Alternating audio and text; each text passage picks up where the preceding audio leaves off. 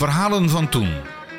Bas Barendrecht en Ruud van Zomeren nemen u mee naar de voorbije jaren van de oude blinde en slechtziende scholen met hun internaten. Hoe was het om daar te leven en te leren? Luister het komende uur naar Verhalen van toen.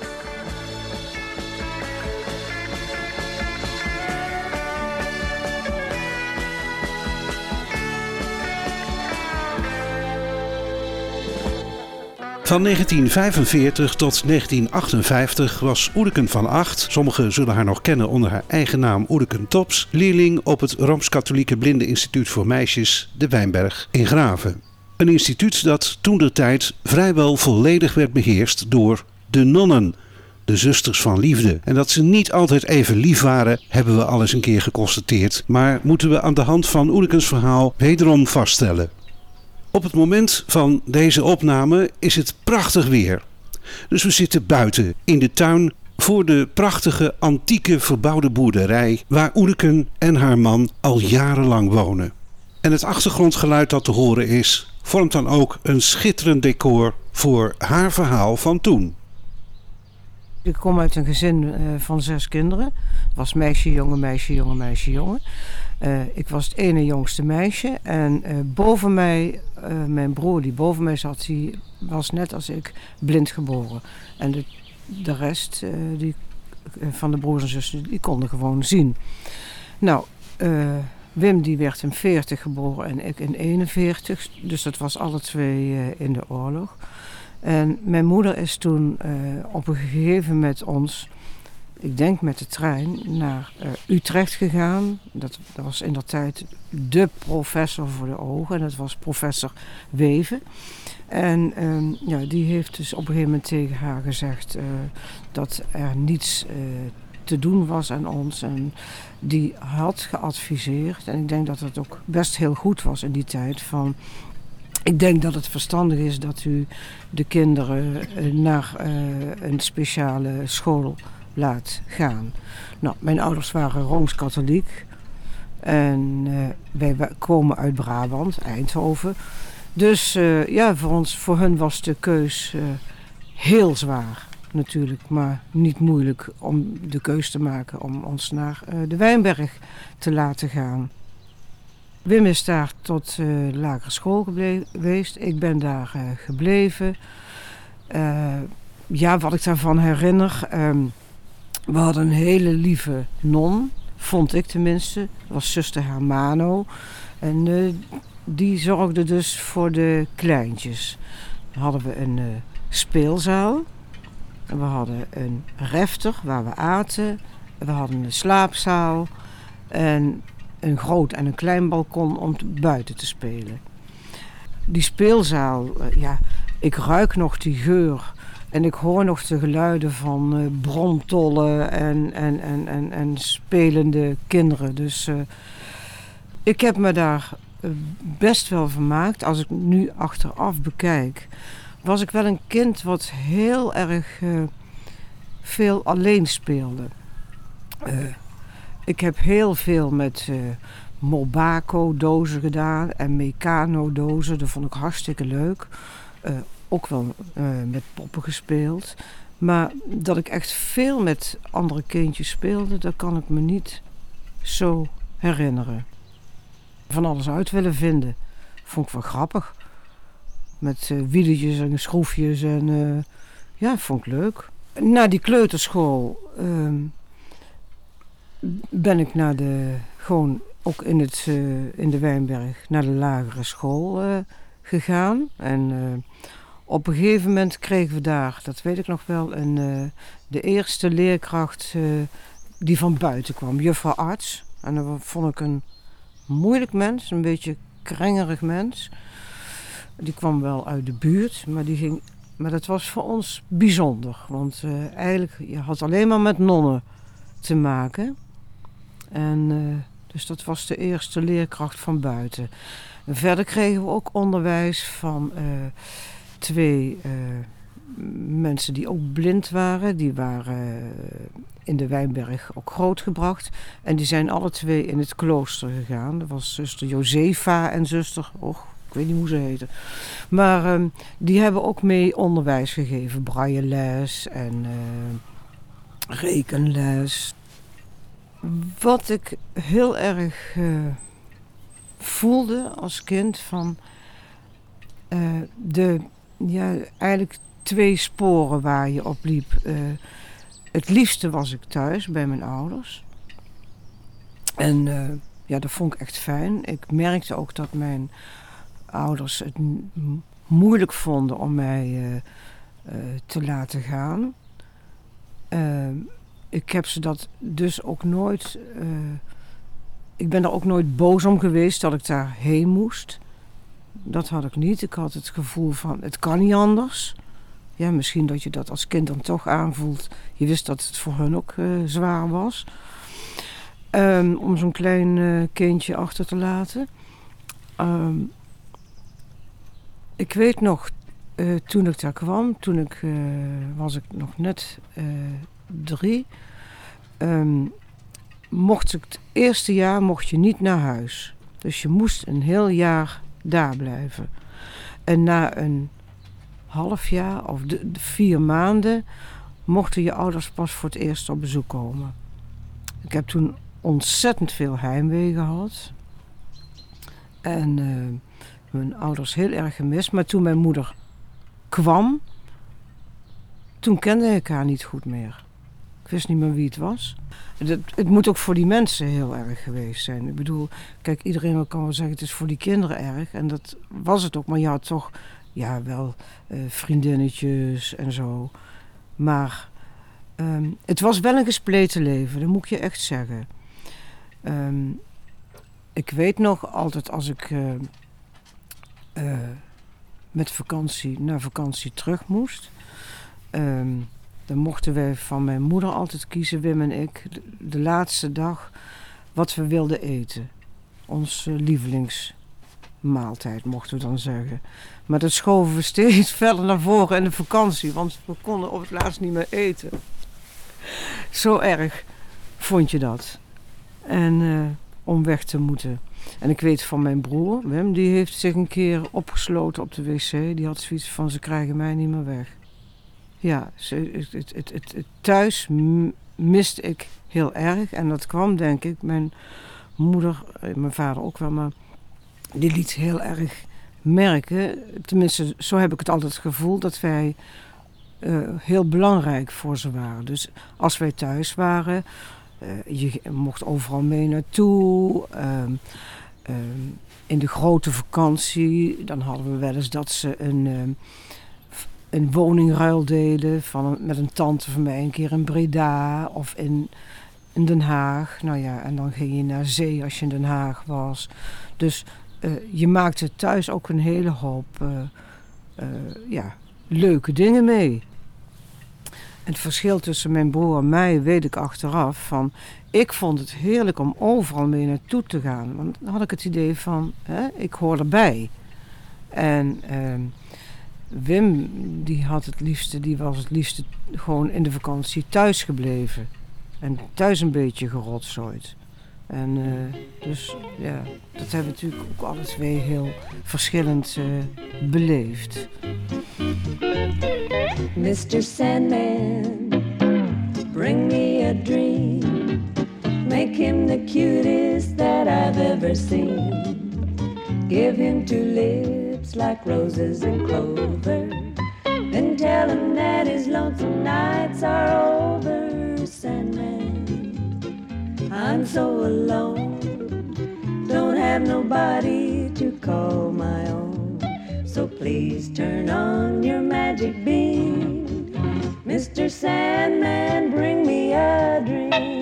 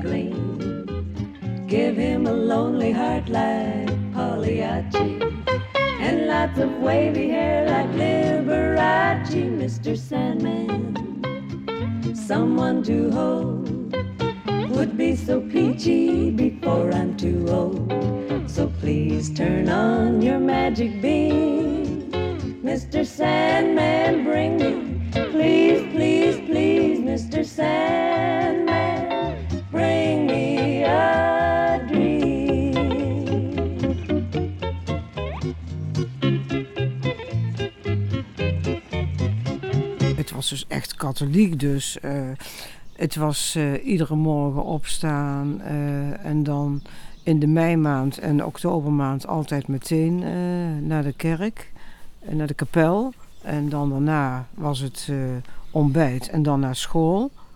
Ehm, eh, ja, in de meimaand en de oktobermaand, dat, was, dat waren dan de Maria-maanden. Dan was het echt drie keer in, op een dag soms.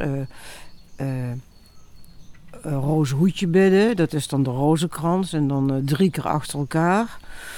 Ehm, Wees zo goed Maria. En dan de hele reut en Beteu tien keer. En dan onze vader één keer. En, ehm, en dan liep je in rijen van twee, liep je naar de kapel. En ehm, ja, daar zat je dan. En mee te zingen. Maar ik vond dat wel, dat meezingen vond ik altijd wel mooi. En eh, ik vond die geur van wierook vond ik eh, lekker. Dus eh,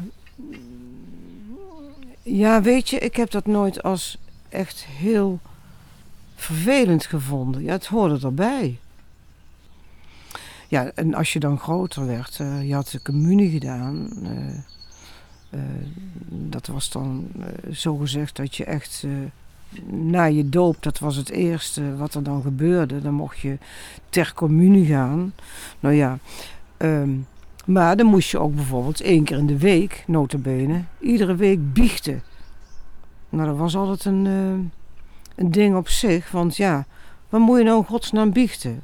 Dat je iets fout had gedaan en... eh, ja, dus je zei had maar wat van ik heb uit de suikerpot gesnoept of ik ben niet lief geweest. Maar toen was ik een jaar of ehm, tien, denk ik. En we hadden ook de catechismus, dus die moesten we allemaal van buiten leren. Waartoe zijn wij op aarde? En dan het antwoord geven. Nou, en daar kwamen ook de tien geboden in van... Gij zult geen onkuisheid plegen. En dat vond ik zo indrukwekkend. Maar ik wist begot niet wat het was. Dus ik dacht, weet je, dan ga ik biechten. En misschien zegt die meneer de rector wel wat het is.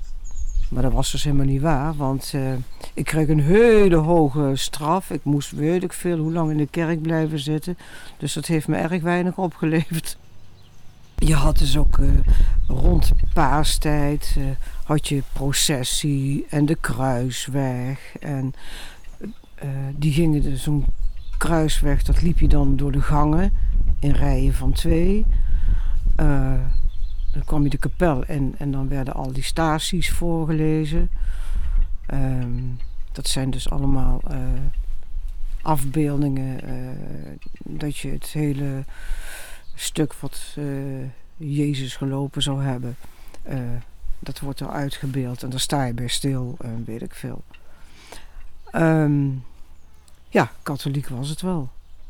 Maar thuis, als ik thuis was, ja, dan ging ik ook mee naar de kerk. Natuurlijk niet zo vaak, hè. dat was alleen maar op zondag. Verder eh, hoefden we niet.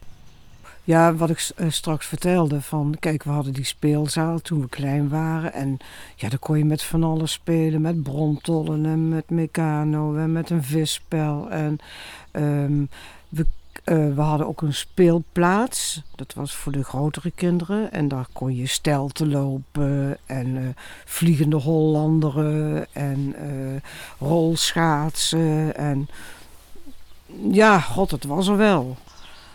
Even kijken, een jaar of twaalf. Ja, was de lagere school voorbij. En dan kwam je op een grote slaapzaal te slapen. En dan moest je s'morgens echt heel vroeg opstaan. En dan werden er s'morgens de getijden gebeden. Nou, God mag weten wat het was, maar dat moest. En om de beurt moest je voorbidden. Dus Uh, Oetje Tops, jij moet eruit. Nou goed, dan moest ik, gaan, moest ik gaan voorbidden. Ja, dat vond ik wel een beetje... Ja, dat deed ik niet graag. Ik had er ook helemaal niks mee. Nou, met die Hermano, die voor de kleuters zorgde, dat, ja, die was lief. Ja, of je, dus daar voelde je je wel veilig bij. Um, verder heb ik eigenlijk nooit me echt bij een uh, non op mijn gemak gevoeld. Je had echt niet een vertrouweling. Je vertelde alles tegen je vriendinnetjes. Tenminste ik. Um, alleen toen ik een jaar of dat, uh, misschien 15 was, toen kwam er een, nieuwe directrice, Marie José. En daar heb ik wel een, een daar, daar, voelde ik me wel fijn. Dat was voor mij een soort van uh, vertrouwenspersoon. Uh, als ik eens een keer ergens mee zat of zo, ging ik daarheen. Of als ik het ergens niet mee eens was, uh, dan ging ik dat tegen haar zeggen. maar verder een echte band, nee, dat kan ik niet zeggen. Nee, heb ik niet echt gehad. Ik denk dat het ook wel een, een deel aan mij heeft uh, gelegen. Uh,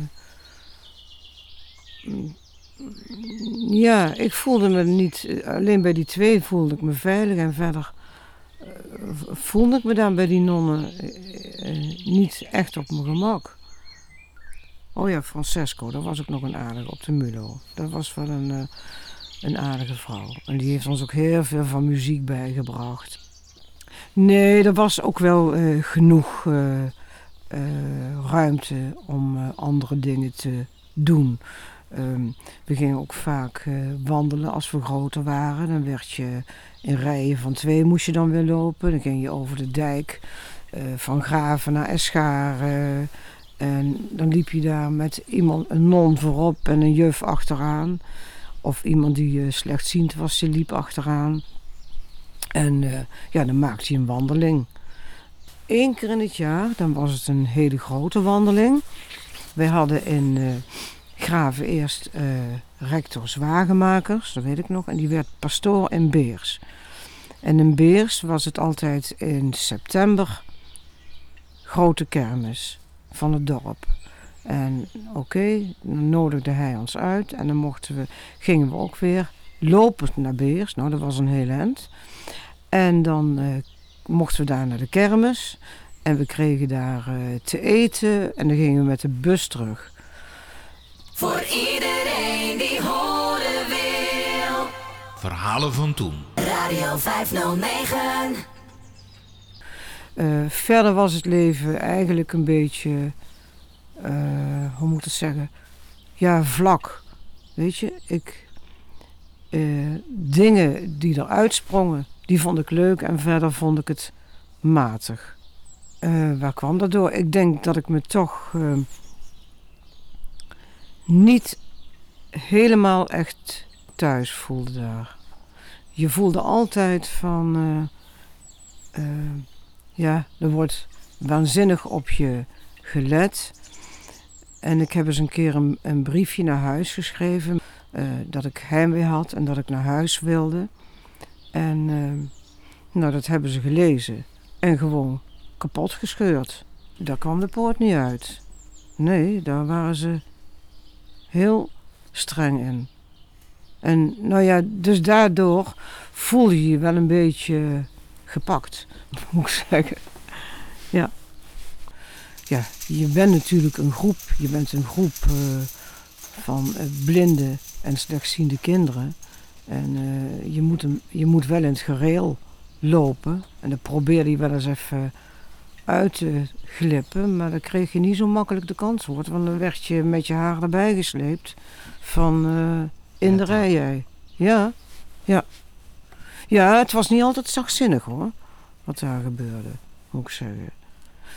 Uh, ook soms, uh, ja, emotioneel was het soms echt uh, hard. Ik weet nog dat ik, uh, was ik een jaar of zes. En uh, het was tegen Sinterklaastijd. En ik ben in oktober jarig. En ik had met mijn verjaardag een hele mooie pop gekregen. met vlechtjes en eh, slaapoogjes. En als ik die pop achterover hield, dan hoorde je die oogjes di- dichtvallen. En eh, die had ik Roosje genoemd. En eh, nou goed, eh, mijn verjaardag, ik was er veel mee aan het spelen. En ik had een wiegje gekregen van mijn oom, die had het gemaakt.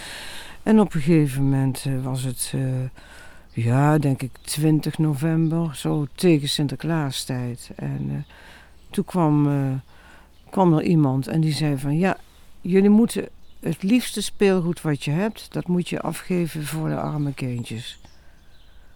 Nou, en ik had zoiets van Roosje, maar Roosje gaat dus niet weg, hè. En toen heb ik iets anders gepakt, een stukje eh, wat ik gemaakt had met een Meccano-doos. En ik dacht, dat geef ik af. Nou, en ze wisten natuurlijk verdomd goed dat ik eh, helemaal gek was op Roosje. En ze accepteerden dat niet. En toen hebben ze alsnog Roosje bij mij weggehaald. En daar heb ik echt heel veel verdriet om gehad. En ik weet niet hoe mijn moeder dat te weten is gekomen. Maar ik zal het er waarschijnlijk verteld hebben. Of ik, dat kan ik me niet herinneren. Maar eh, mijn moeder is daar waanzinnig boos over geweest tegen die non. Van, dat kan je niet maken. Weet je, nou dat, ja, dat is ook een soort van... eh, als, ik, als, ik dat, als ik daar nog aan denk, dan, dan voel ik dat nog in mijn hart. Het is nooit meer, ze hebben nooit meer gezegd dat we iets moesten afgeven, maar ik heb Roosje wel teruggehad. De keren dat ik alleen was, dat had ik wel. En dat vond ik ontzettend fijn. Dat was als ik pianoles... Nee, als ik eh, piano moest oefenen. Er waren een paar piano's. En we hadden pianoles van meneer Eckstein. En eh, die eh, was ook direct, of hoe heet het, eh, dirigent van de harmonie in Graven. En die, eh, goed, daar kregen wij les van. En ja, dat vond ik aanvankelijk heel leuk. Maar het fijnste daarvan vond ik dat ik... Er was ook een piano in de kleuterschool. En daar ging ik altijd oefenen. En daar kwam nooit iemand. Ja, buiten schooltijd dan. Hè? Nou, daar zat ik dan te oefenen. En dat was dan de enige keer dat ik alleen was. Maar verder was je altijd samen. Samen eten, samen slapen. Je lag op een slaapzaal toen je klein was met allemaal bedjes naast elkaar. Toen je groter werd, eh, stonden die bedden wat verder uit elkaar met een eh, nachtkastje en later een schotje ertussen. Maar echt alleen, dat had je niet. En dat, eh, ja, dat, is, dat vond ik wel heel heftig. Dus je kon ook nooit, je had wel verdriet en dan ging je onder de dekens liggen. En dan huilde je, of omdat je heimwee had, of omdat je niet eh, plezierig behandeld werd of zo. Maar dan eh, ging je onder de dekens liggen, je hoofd er helemaal onder, je handen eronder. En dan kwamen ze, eh, als we allemaal in bed lagen, kijken. En dan was het boven de dekens, handjes boven de dekens. En nee, eh, dus eh, je hoeft niet te huilen. En eh, nee, privacy was er heel weinig. Zelfs als je s'nachts eh als nou, klein kindje, een, jaar of zes, naar de wc moest. Nou, dan, was het, dan lag er een non. Die lag in een kamertje te slapen. Bij die kleine kinderslaapzaal. En eh, moest je roepen van zuster, zuster, mag ik alsjeblieft naar de wc toe gaan? En dan eh, zei ze niks als ze sliep.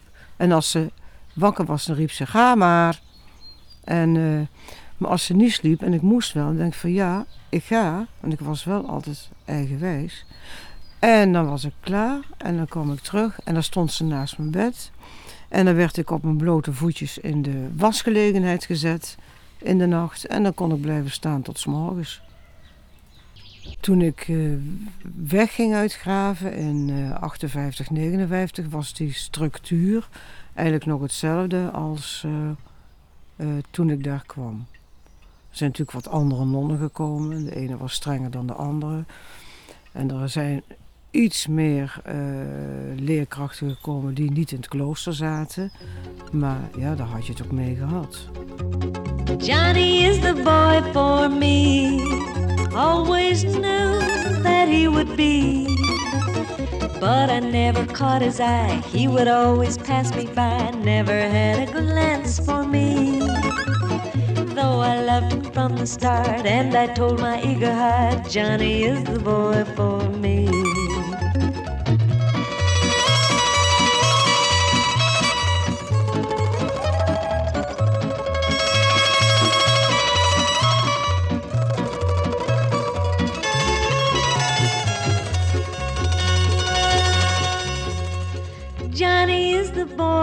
For me. Always knew that he would be. Though he doesn't know my name, I will play a waiting game, knowing he will come to me. Ever since the world began, woman always got her man, and Johnny is the boy for me.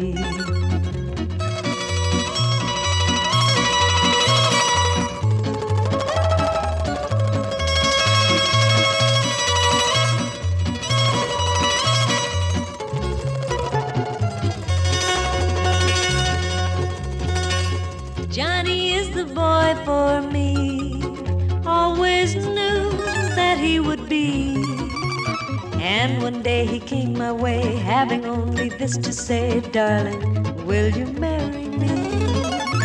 It was easy to decide. Yes, my darling, I replied, Johnny, you're the boy for me.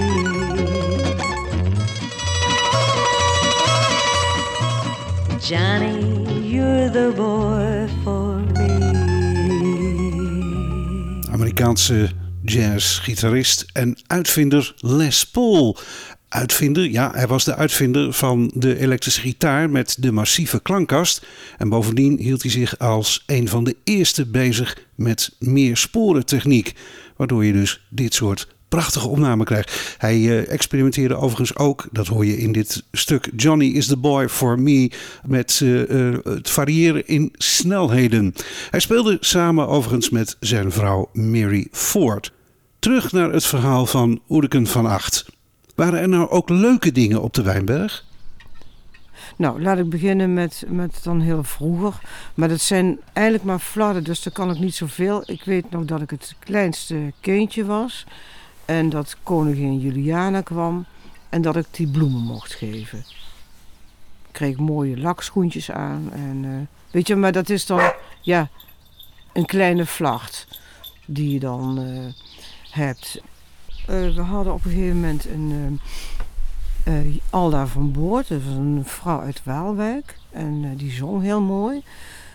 En die kwam ons op een gegeven moment zanglessen geven. En dat vonden we allemaal hartstikke leuk. Of heel veel vonden dat leuk. Kregen we privéles bij haar. En ze gaf ook een koor. Ze maakte een koortje met ons.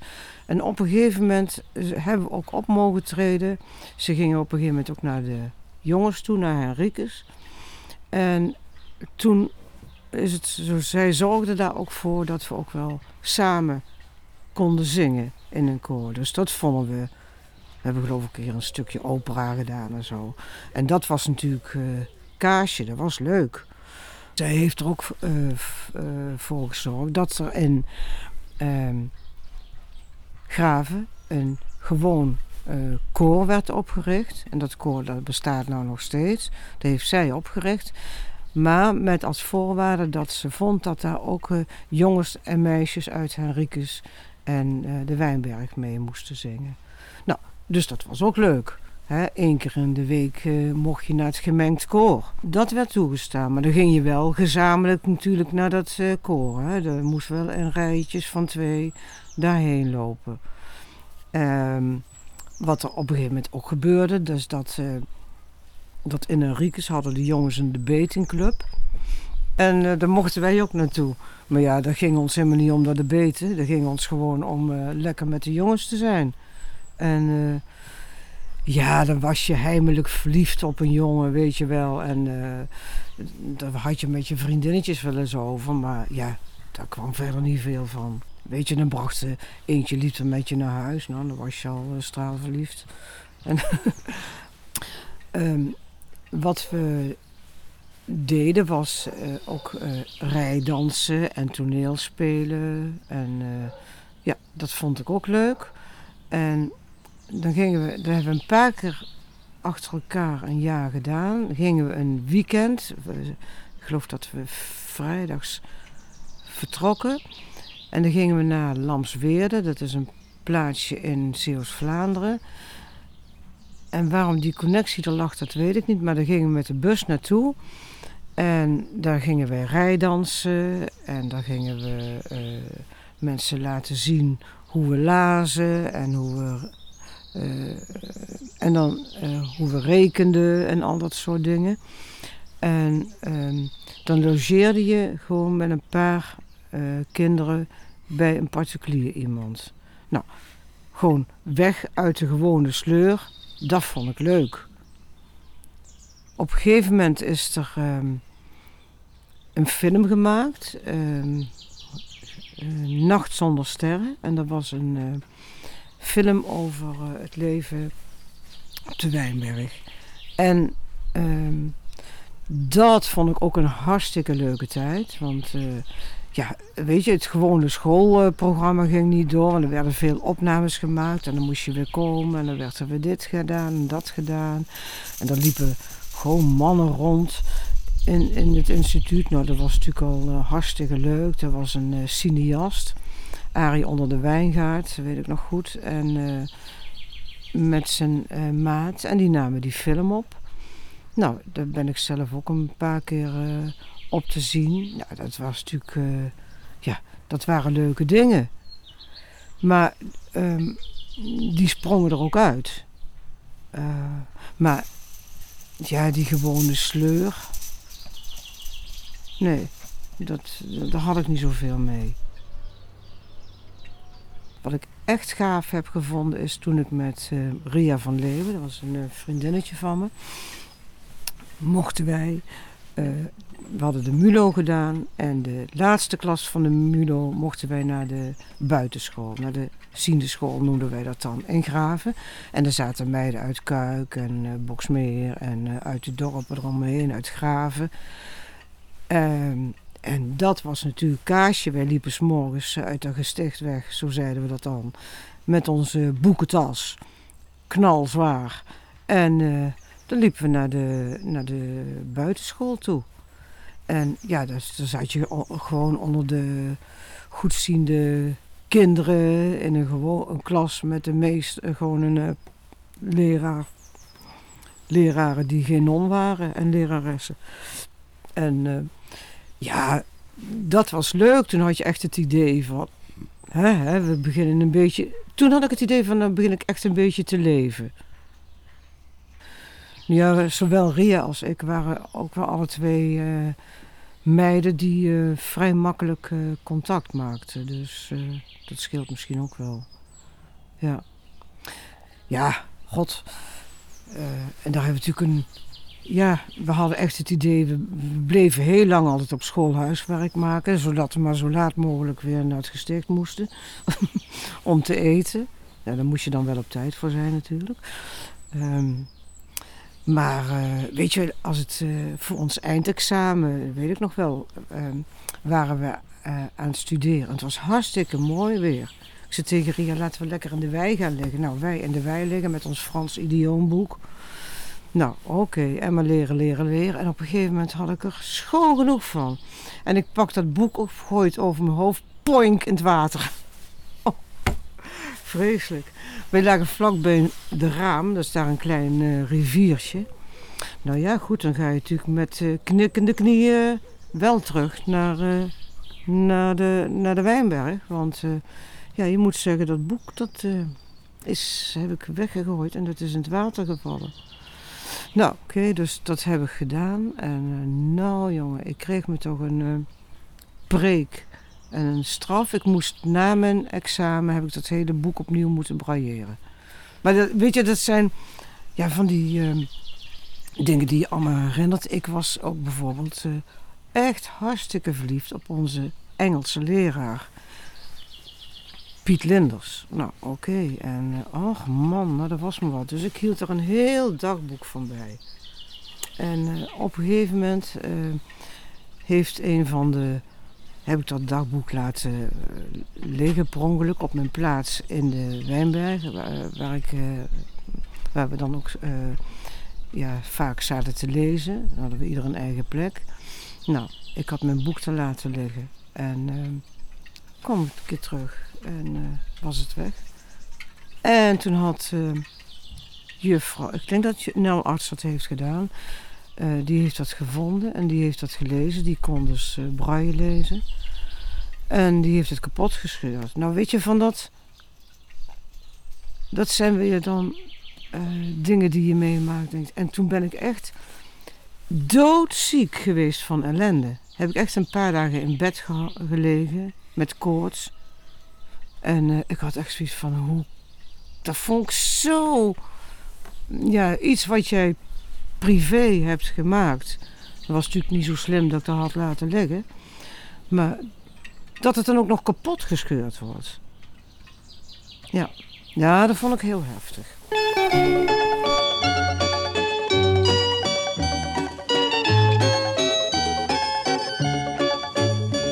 When the sun in the morning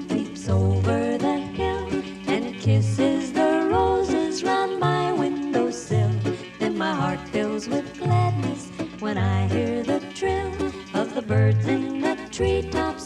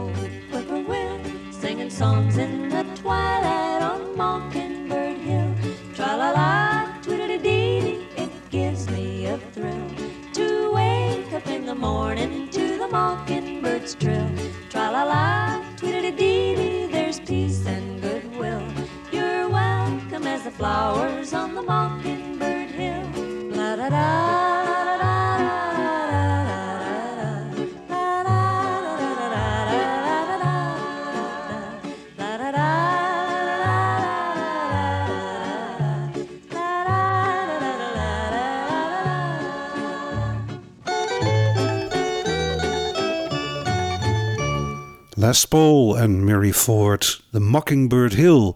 Je luistert nog steeds naar Radio 509, het programma Verhalen van Toen. Vandaag met Oedeken van Acht. Ik wist niet wat ik eh, wilde gaan doen. Ehm, en dat heb ik wel altijd gehad. Eh, eh, je werd vroeger echt, was de bedoeling van je moet mee kunnen hè, met de ziende mensen in de ziende wereld. Als je daar thuis mee klaarkomt, dan is het oké. Nou, dat klinkt heel mooi en er zit best iets in, maar eh, oké. Dus wat ik niet wilde is eh, of typiste worden, of stenotypiste worden, of telefoniste worden, want dat deden al, al, die, al de blinde mensen. Dat wilde ik niet. Ik wilde iets anders, maar wat, dat wist ik niet. En toen ben ik nog een jaar, omdat ik niet wist wat ik wilde, heb ik gevraagd, dus niet voor te stellen, maar of ik er nog een jaar mocht blijven. Toen hadden we net was er een nieuwe kleuterjuf en eh, uit Nijmegen. En toen had ik zoiets, misschien wil ik wel iets met kleuters. En toen heb ik een jaar haar, dat was ook in het jaar dat ik dat Frans idioomboek nog moest overtypen. Maar goed, oké, dat kwam er dan tussendoor.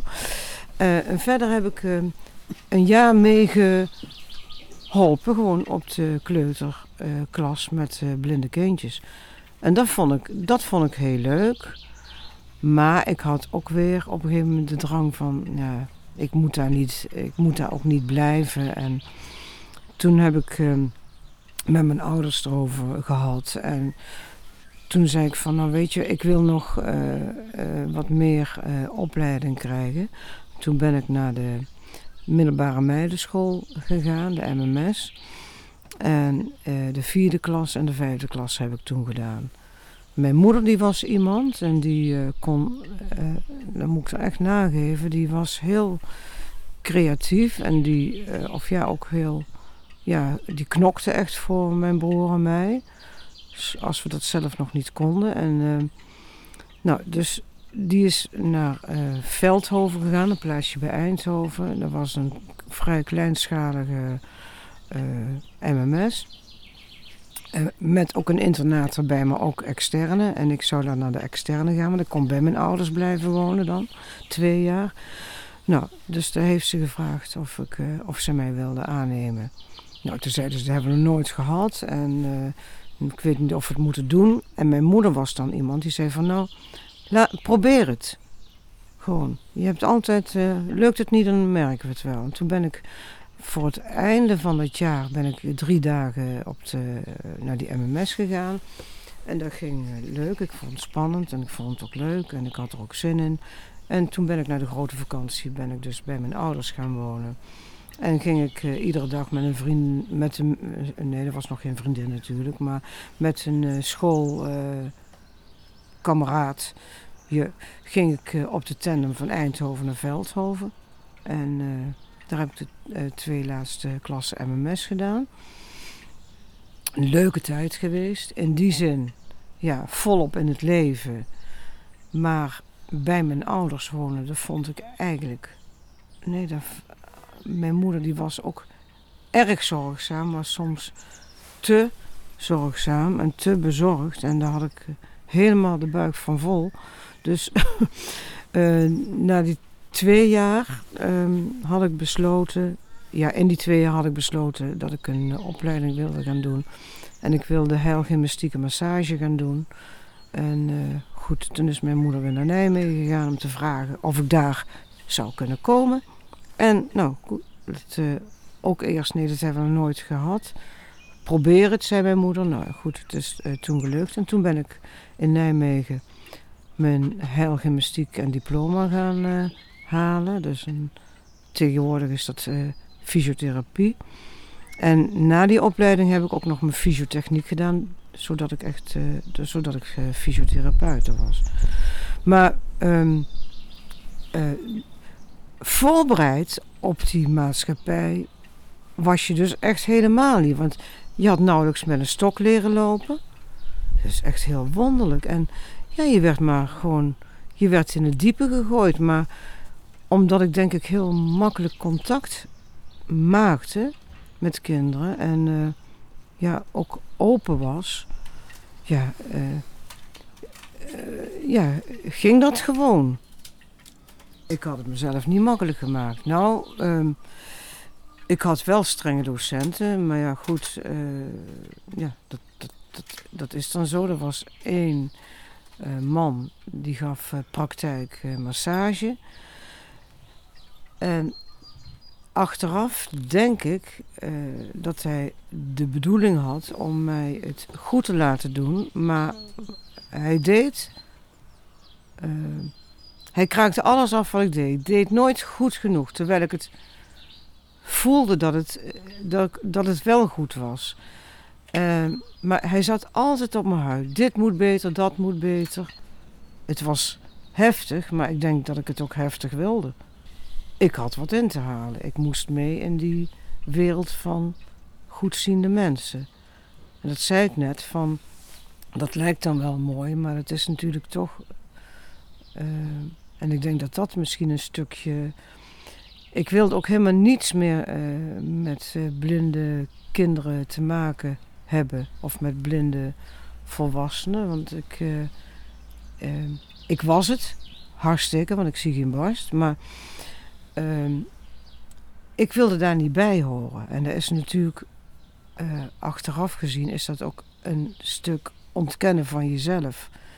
Ik heb heel lang het gevoel gehad van uh, ik ben belangrijk of ik ben oké omdat ik eh, hier gekomen ben. Maar niet eh, om wie ik zelf was, snap je? En ja, dat, dat heb ik natuurlijk naar de hand wel op zijn plek gekregen hoor. Dus dat is, eh, dat is nou goed. Maar het is ook te snappen waarom zoiets kan gebeuren, zo'n proces.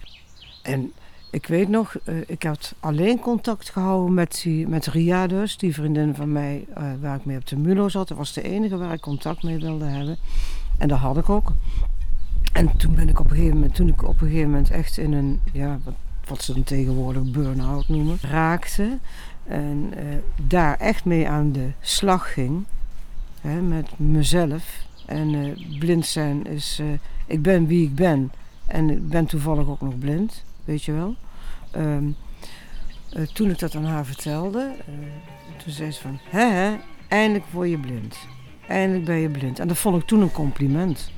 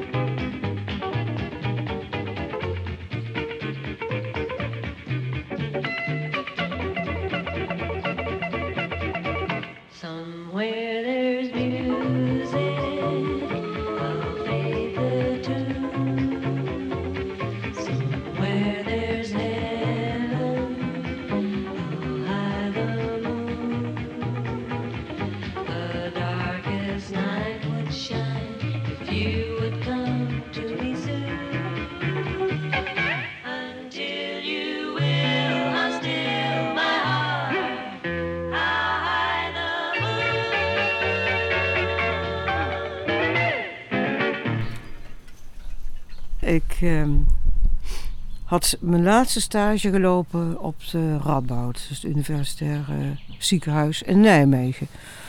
En eh, dat was een leuke stage. En ik had wel zoiets van, als ik fysiotherapeut ben, dan wil ik ehm, niet eh, in een particuliere praktijk werken. Ik ga sowieso zelf geen praktijk beginnen, maar ik wil ook niet in een particuliere praktijk werken, want dan ben je erg op jezelf aangewezen. En ik vond juist in een ziekenhuis werk je ook meer in teamverband. En dat vond ik, eh, dat sprak me heel erg aan. Ook zoiets van als ik bijvoorbeeld door mijn blind zijn iets niet zou kunnen. Oké, dat kan een ander doen, maar ik kan weer iets wat een ander misschien niet kan. Ik kan bijvoorbeeld met eh, kinderfysiotherapie iets doen, hè, of een, kind, een kindje behandelen, wat een collega van mij moeilijker kan. Dus toen zag ik al van je hebt allemaal je beperkingen, op wat voor manier dan ook. eh, eh, en dat is gewoon in een team met elkaar aan te vullen. Dus ik had zoiets van, hier zit ik op mijn plek. Hier wil ik wel werken. Het was in 67, dus dat was een tijd dat de banen nog voor het opscheppen lagen. En de fysiotherapie, ja oké, daar waren ook banen genoeg. Dus op de Radboud ook. Ik had mijn examen gehaald en dat had ik goed gehaald. En eh, toen heb ik gesolliciteerd en ook gewoon in die brief gezet dat ik blind was. En eh, dat ik daar stage had gelopen. Nou, gewoon een heel verhaal en zo en zo.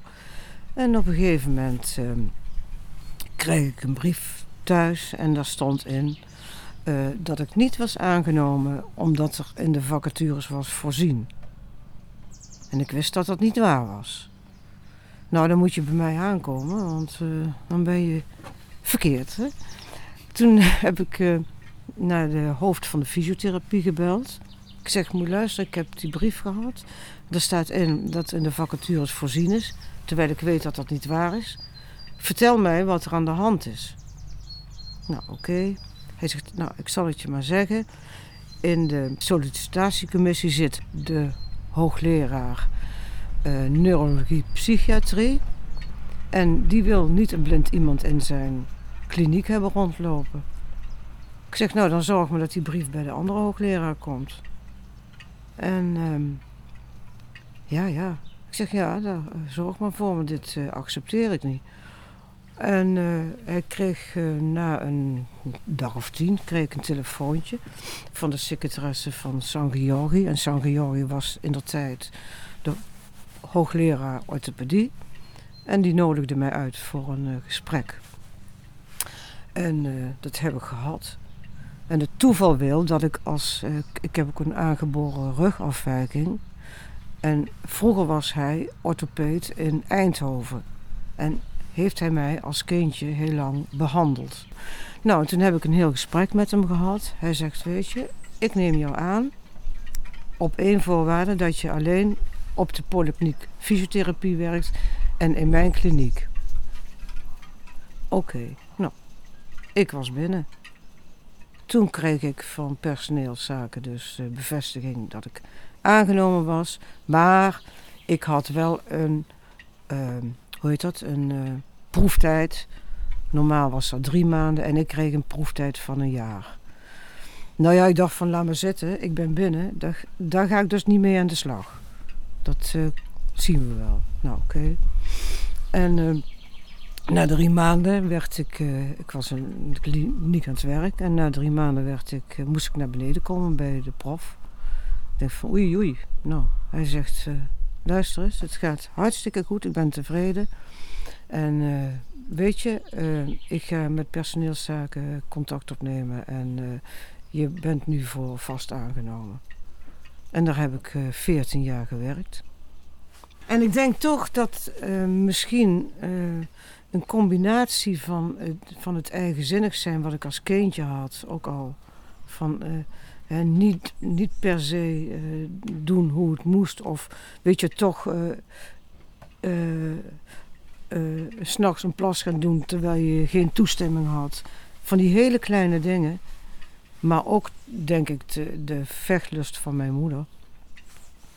Ik denk dat me dat wel eh, ge, ja, gemaakt heeft dat ik dat heb gedaan. Het, het basale onderwijs eh, is natuurlijk heel belangrijk geweest.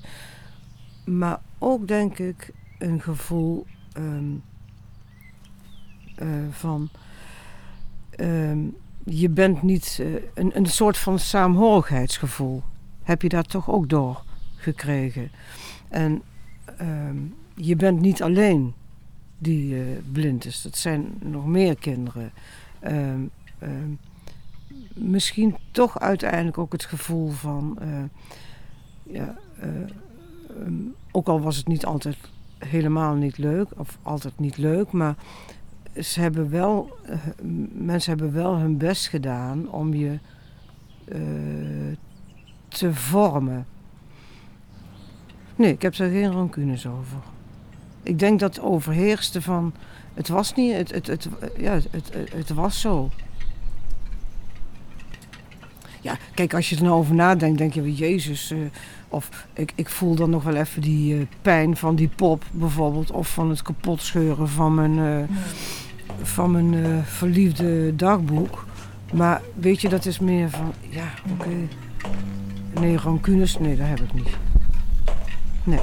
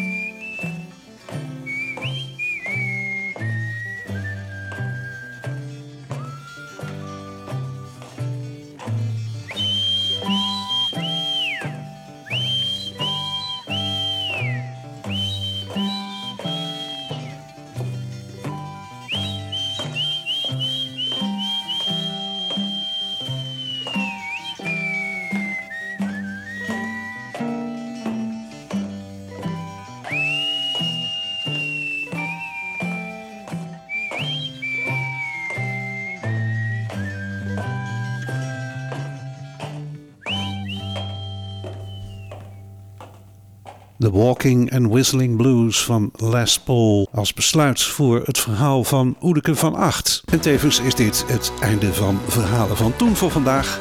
Fijne zondag en tot de volgende keer.